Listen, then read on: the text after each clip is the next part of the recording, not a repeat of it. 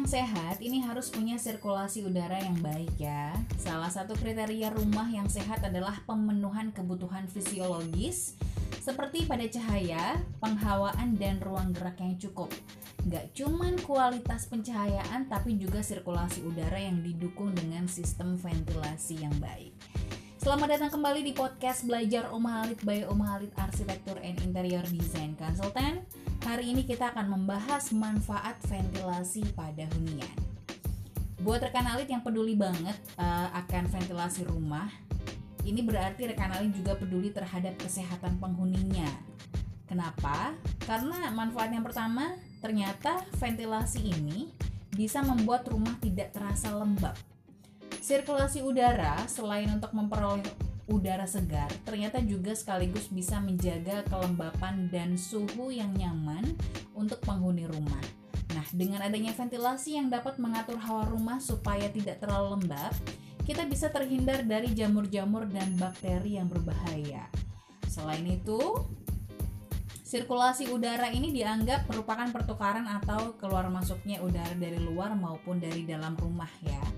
Adanya ventilasi di setiap rumah berfungsi untuk membantu sirkulasi udara. Dengan adanya ventilasi yang baik dan memadai, maka sistem sirkulasi udara segar dari luar akan masuk dan tentu hal ini akan bagus ya buat kesehatan Anda dan juga keluarga. Banyak sih orang yang nggak menyadari bahwa sumber polusi ini nggak hanya berasal dari luar rumah, tetapi juga bisa dari dalam rumah ternyata ya. Beberapa contoh polusi yang berasal dari dalam rumah adalah asap rokok, bakteri, atau asap dapur. Nah, dengan adanya ventilasi di rumah, polusi tersebut bisa berganti dengan udara dari luar yang lebih segar serta menyehatkan. Selain itu, ventilasi ini juga dianggap bisa menghilangkan kepengapan di dalam hunian.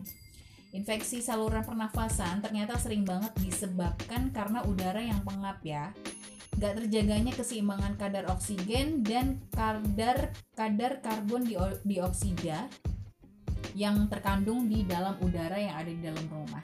Nah, kadar oksigen yang lebih sedikit akan menyebabkan penghuni rumah ini rentan menderita infeksi saluran pernafasan seperti radang tenggorokan dan batuk-batuk. Dengan adanya ventilasi, pertukaran udara senantiasa lancar, kadar oksigen akan terjaga keseimbangannya, sehingga para penghuni akan terhindar dari infeksi pernafasan akibat pengapnya udara di dalam rumah.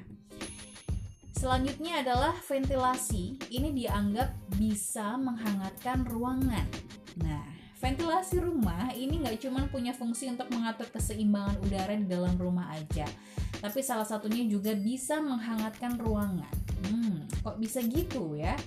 Ternyata rongga ventilasi udara ini bisa menjadi jalur bagi cahaya matahari masuk.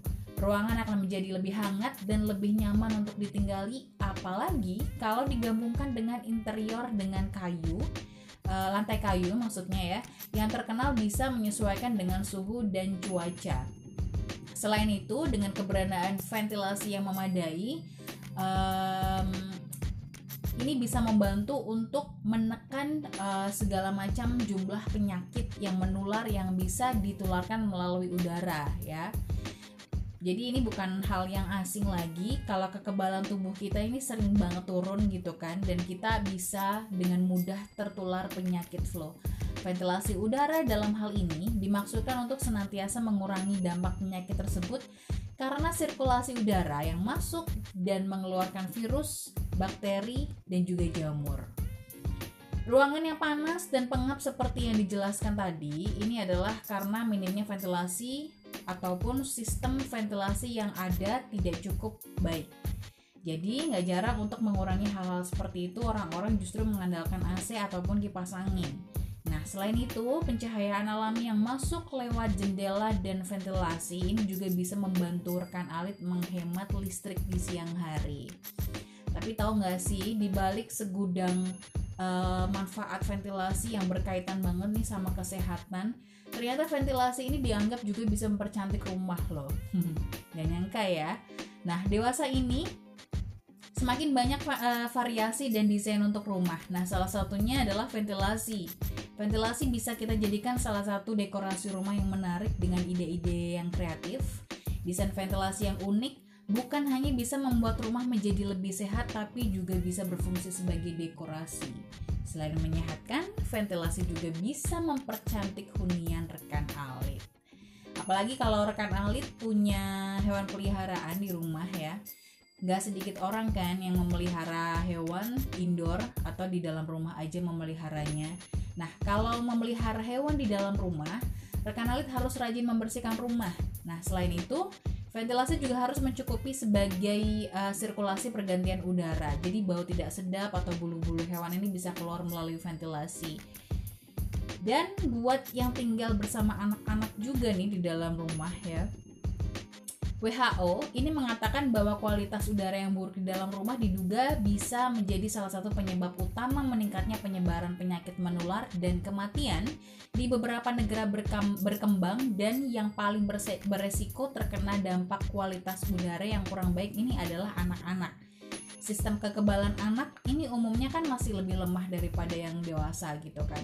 Akibatnya, anak-anak ini bisa dengan mudah sekali terjangkit infeksi saluran pernafasan, flu, bahkan penyakit paru-paru.